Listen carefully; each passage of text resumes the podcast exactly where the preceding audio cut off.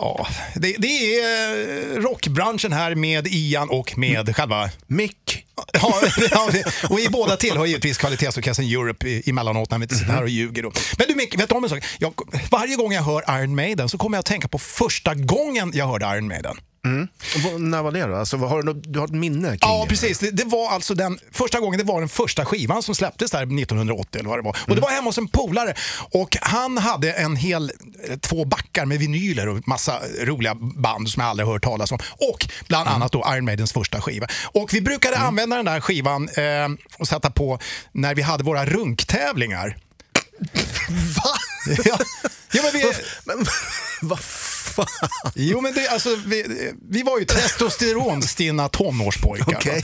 Och det, var ju, det där handlar om att liksom, eh, störst gå först, höll jag på att säga. Så vi hade våra små eh, tillställningar som vi kallar för runktävling. Det handlade om att man skulle komma först. Ja, Okej, ja. Förstår du vad jag menar? Komma först. Då. Mm. Ja, jag förstår. så att, eh, och jag minns det att han var väldigt välutvecklad för sin ålder. Ja, han var Okej. stor och grov och jag var ganska liten och eh, spenslig i ordets rätta bemärkelse. Eh, men jag var alltid den som kom först faktiskt. Så- Okej, så du vann? Jag vann, ja, precis. Ja, exakt. Och då brukade vi, för att inte hans morsa skulle höra vad vi pysslade med, då brukade vi sätta på Iron Maidens första skiva. eh, vad tror du om det?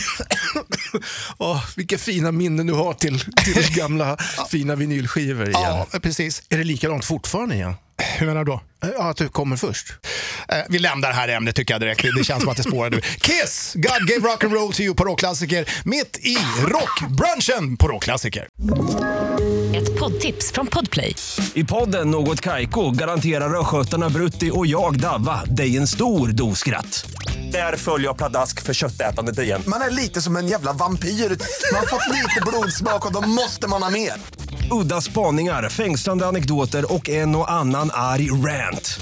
Jag måste ha mitt kaffe på morgonen för annars är jag ingen trevlig människa. Då är du ingen trevlig människa, punkt. Något Kaiko, hör du på Podplay. Därför arkadeinerna.